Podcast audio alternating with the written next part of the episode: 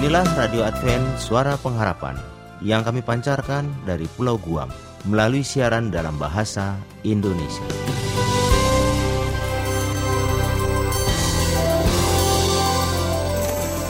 Salam sejahtera kepada saudara pendengar di mana pun Anda berada.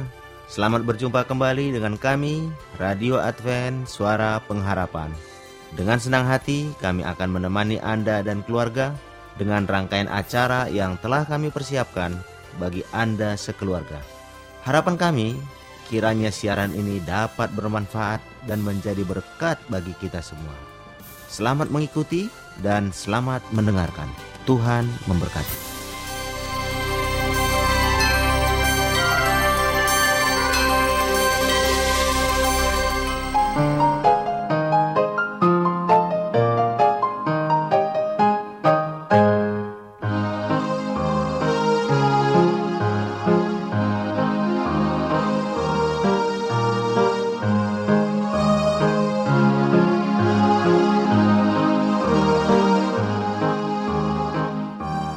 Radio Advent Suara Pengharapan yang budiman.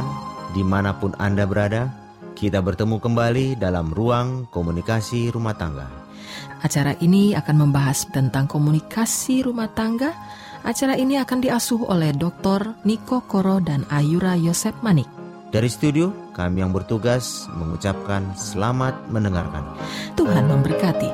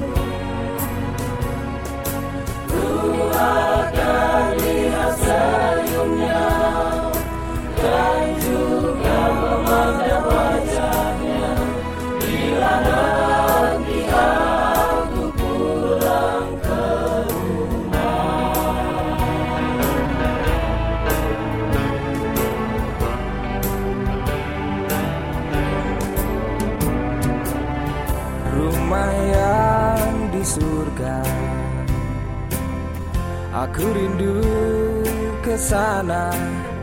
Di sana tak ada lagi air mata. Yesus kan menghapus segala air mata di pipimu. Dan Yesus pun dengan senyumnya menunggu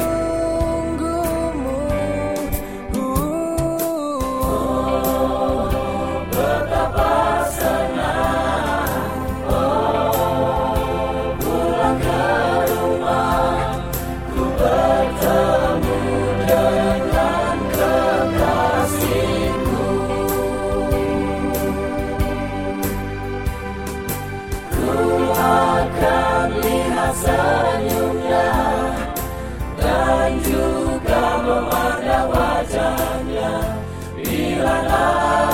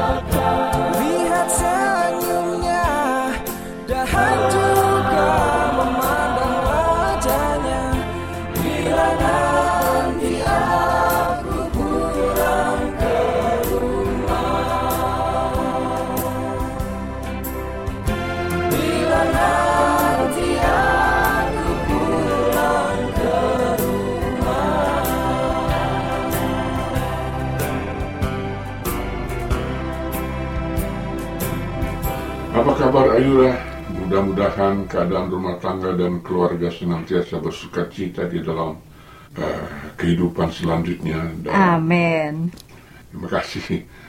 Uh, walaupun keadaan COVID-19 masih juga menjadi berita penting di dalam negara kita, Ya, tetapi mari kita doakan agar keadaan ini berlalu dengan segera. Demikian pula harapan kami dan setiap rumah tangga pendengar Radio Advent Suara Pengharapan di mana pun Anda dan keluarga berada.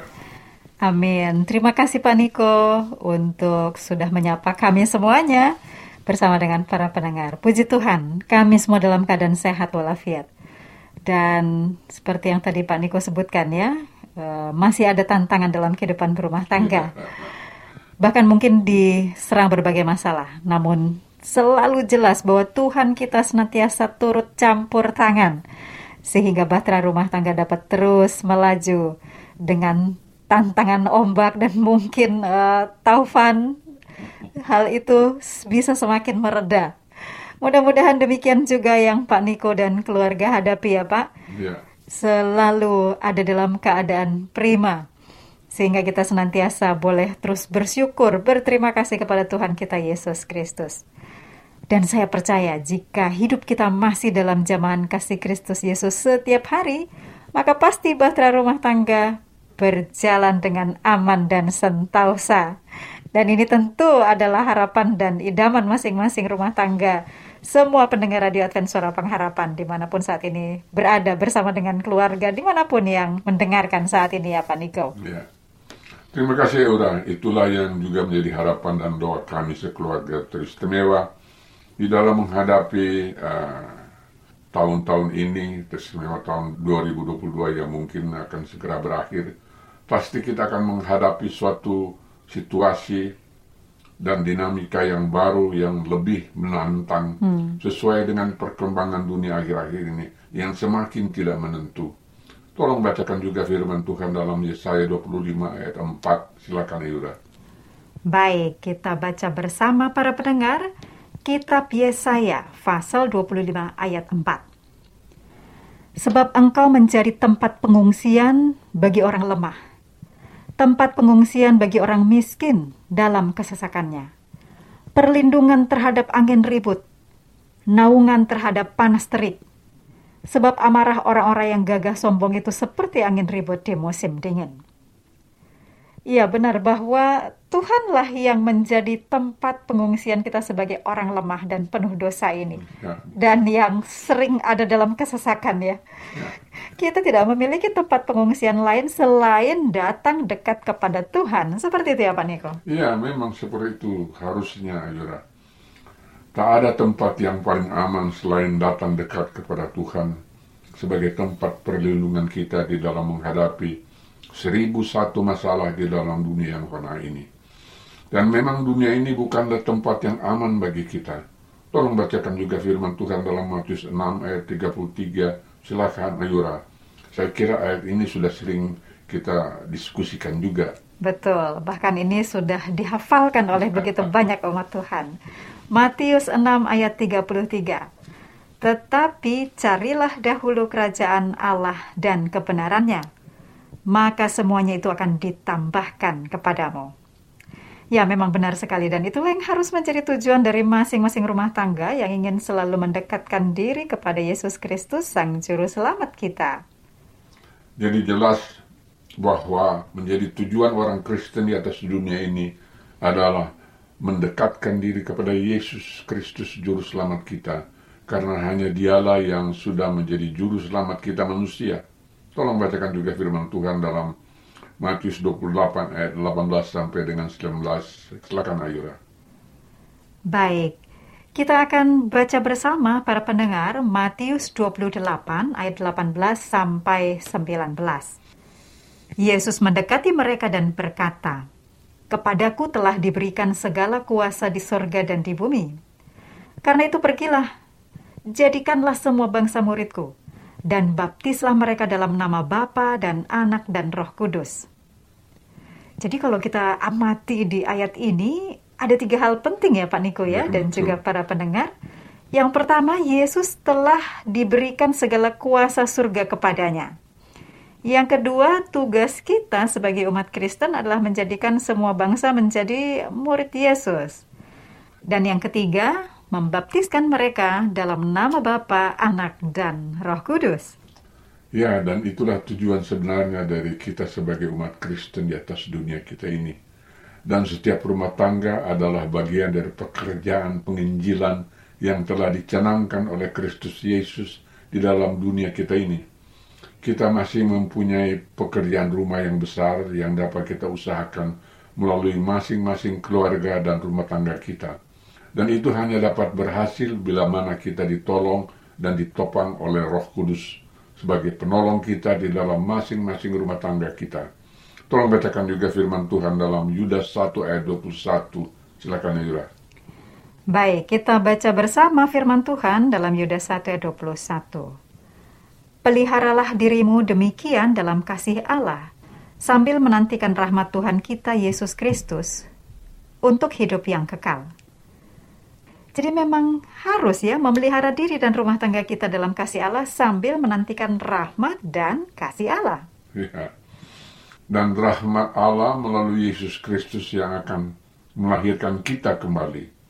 Sebab hanya melalui kebenaran, eh, maaf, Sebab hanya melalui kelahiran kembali kita dapat memahami dengan sempurna akan kasih Allah Bapa melalui anaknya, Yesus Kristus Tuhan kita. Tolong bacakan juga firman Tuhan dalam 1 Petrus 1 ayat 3. Silakan Ira. Baik para pendengar, Pak Niko sudah mengatakan kita perlu membaca 1 Petrus 1 ayat 3. Namun sebelumnya, kita akan lebih dahulu mendengarkan lagu pujian yang berikut ini. Untuk Anda semua yang bersama dengan siaran kami, selamat mendengarkan.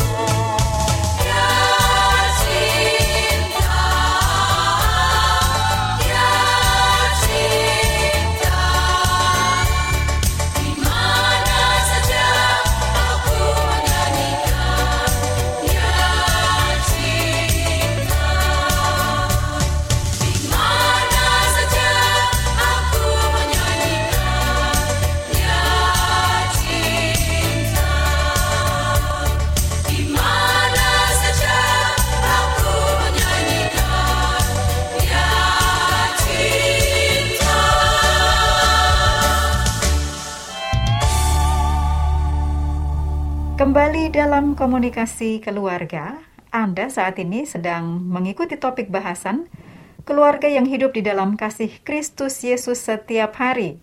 Ini adalah pembahasan bagian yang ketiga.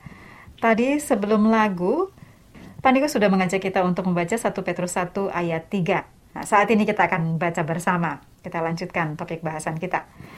1 Petrus 1 ayat 3. Terpujilah Allah dan Bapa Tuhan kita Yesus Kristus, yang karena rahmatnya yang besar telah melahirkan kita kembali oleh kebangkitan Yesus Kristus dari antara orang mati kepada suatu hidup yang penuh pengharapan.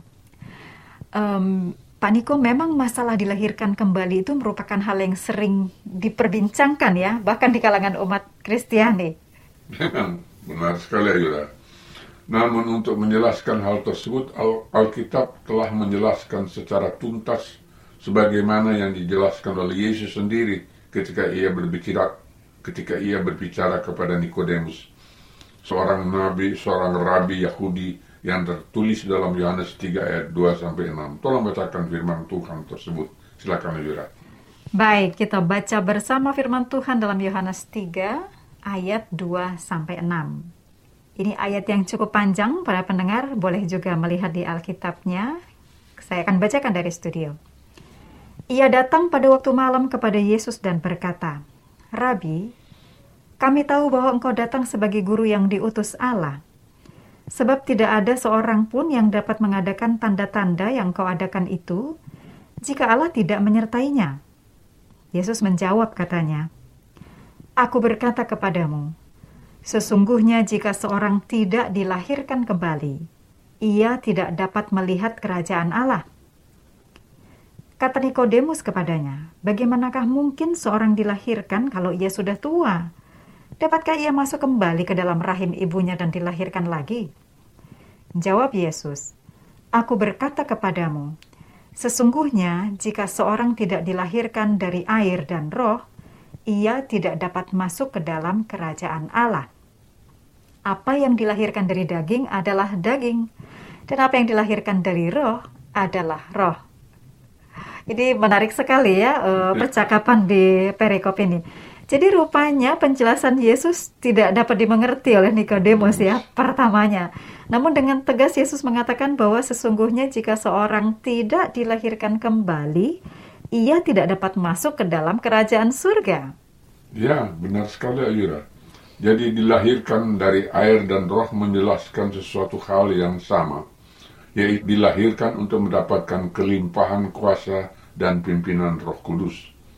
Sehingga orang tersebut akan berdampak di dalam dunia ini yang yaitu ia tidak hanya memiliki status surgawi tetapi dalam kenyataannya perilaku kehidupannya benar-benar merepresentasikan sebagai anak Tuhan. Jadi suatu perubahan pola hidup yang 180 derajat berubah dari kehidupan lamanya. Itulah yang dapat dinamakan orang dilahirkan kembali atau telah dilahirkan kembali. Demikian pula dengan mengasihi Tuhan dan mengasihi sesama manusia lainnya hanya dapat terwujud bila mana seorang itu sudah dilahirkan kembali. Baik, uh, terima kasih Pak Niko tanggapannya. Berarti demikian pula bila kita memandang anak Allah yang harus tergantung di atas kayu salib oleh karena memikul dosa-dosa kita manusia. Siapa yang dapat melihat kemuliaan salib Yesus? Hanyalah mereka yang telah dilahirkan kembali oleh kuasa roh Allah. Begitu ya Pak Niko? Iya, benar sekali Eura. Sebab kayu salib itu adalah hukuman yang sangat mengerikan hanya dapat diberikan kepada orang-orang penjahat. Tolong bacakan juga firman Tuhan dalam Galatia 3 ayat 13. Silakan Yura. Baik, kita baca bersama firman Tuhan Galatia 3 ayat 13. Kristus telah menebus kita dari kutuk hukum Taurat dengan jalan menjadi kutuk karena kita. Sebab ada tertulis, terkutuklah orang yang digantung pada kayu salib. Yesus harus menerima hukuman penghinaan itu oleh karena dosa-dosa kita manusia. Wah, ini hal yang sangat mendalam. Namun karena waktu juga sepertinya kita harus akhiri lebih dahulu diskusi kita tentang keluarga yang hidup di dalam kasih Kristus Yesus setiap hari. Terima kasih untuk perhatian Anda para pendengar. Terima kasih Pak Niko sudah mengangkat topik bahasan ini. Kita akan berjumpa kembali dalam program yang sama di uh, minggu depan. Kiranya Tuhan senantiasa memberkati kita semua dan narasumber kita akan menutup di dalam doa. Kami persilakan Pak Niko. Baiklah, saudara pendengar sekalian di mana pun Anda berada, baiklah kita berdoa sama-sama. Kita tunduk kepala dan berdoa. Bapa kami yang di sorga, kami bersyukur dan terima kasih kepadamu ya Tuhan. Saat ini oleh karena merasakan, kami merasakan tuntunanmu melalui kasih karuniamu yang melimpah yang senantiasa dianugerahkan kepada kami semua. Teristimewa kepada rumah tangga para pendengar radio Advent Suara Pengharapan di mana pun Anda berada pada saat ini. Kiranya apa yang telah kami diskusikan hari ini boleh mendapatkan tempat di dalam setiap hati sanubari pendengar Radio Advent Suara Pengharapan dan di mana pun Anda berada.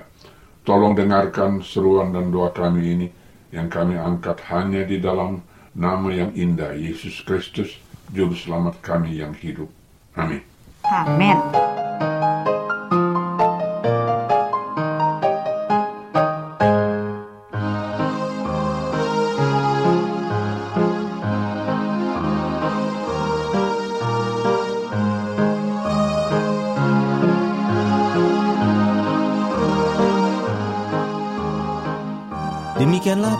Setia, kita baru saja mengikuti ruang komunikasi keluarga.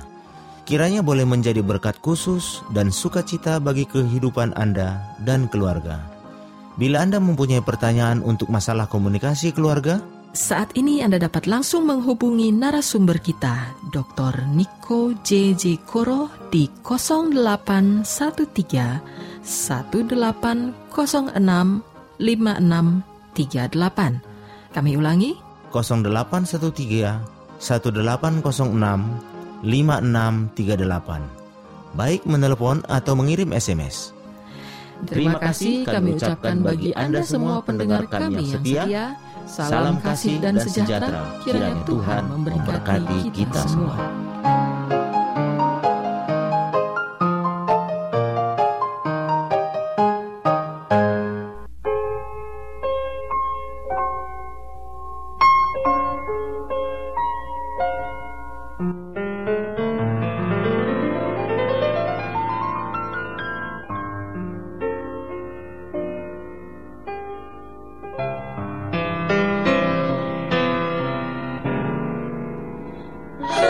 to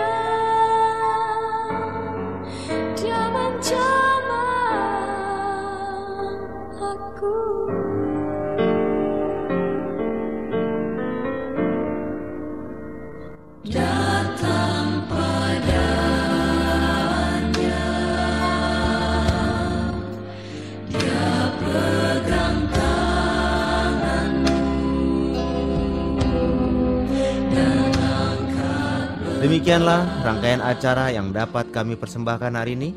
Dan apabila Anda mempunyai pertanyaan atau ingin mendapat pelajaran Alkitab penemuan baru, silakan menghubungi kami.